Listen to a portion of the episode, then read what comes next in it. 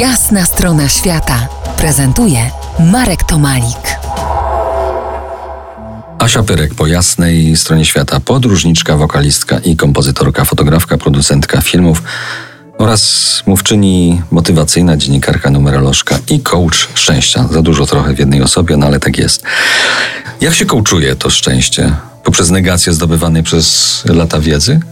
A, wiedza, wiesz co, przeszkadza nam w szczęściu tak naprawdę, bo um, wtedy programujesz się na coś i e, cała rzeczywistość, która się wydarza, cię omija, bo dążysz do czegoś, czego możesz właściwie nigdy nie doświadczyć, więc tak naprawdę szczęście to jest ta chwila tutaj i zgoda na nią.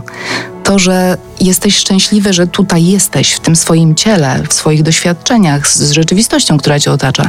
Inaczej to się nie wydarzy, bo zawsze dokądś chcesz iść, dalej, dalej, żeby tam zdobyć jakieś góry albo wiesz, fortunę czy coś innego.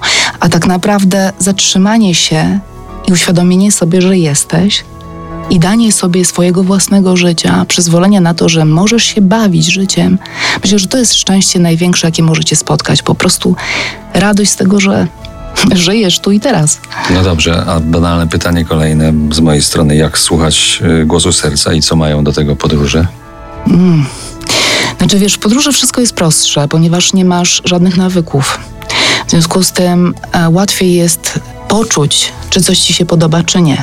Kiedy masz nawyki, kiedy masz jakieś schematy myślenia, kiedy masz zobowiązania, to pakujesz się w rutynę i potem już przestajesz odczuwać, czy w ogóle to miejsce, ci ludzie ciebie bawią, czy, czy się rozwijasz tam. Po prostu już nie, nie masz takiego dystansu. A w podróży wszystko jest świeże, czyli wchodzisz i mówisz, idę dalej. I idziesz dalej i nagle mówisz, wow, tu mi się podoba i się zatrzymujesz. Czyli gdzieś ten kontakt właśnie ze sobą, bo możesz wybrać. Możesz pójść do przodu, możesz wrócić. Nie musisz siedzieć w miejscu. No dobrze, to teraz zróbmy ten krok jeszcze dalej. W jaki sposób skontaktować się z naszą prawdą? Przecież ja to jest wielość. Jaka wielość? Nie jedno ja, a pomiędzy nimi cały czas starcie, konflikt. No ja to pomiędzy... odczuwam inaczej. Ja, ja, ja Jednak mam... inaczej to widzisz. Kompletnie inaczej, wiesz, bo to jest tak, że jeżeli czujesz siebie, to nie ma konfliktu, ponieważ jednego dnia masz na coś ochotę, drugiego nie. I to jesteś ty w ciągłej zmianie, ciągłym doświadczaniu tego życia. Nie musisz codziennie wybierać tego samego.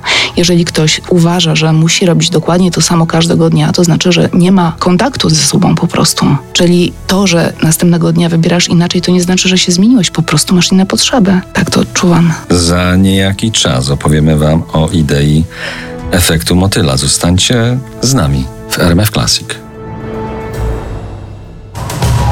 To jest jasna strona świata w RMF Classic.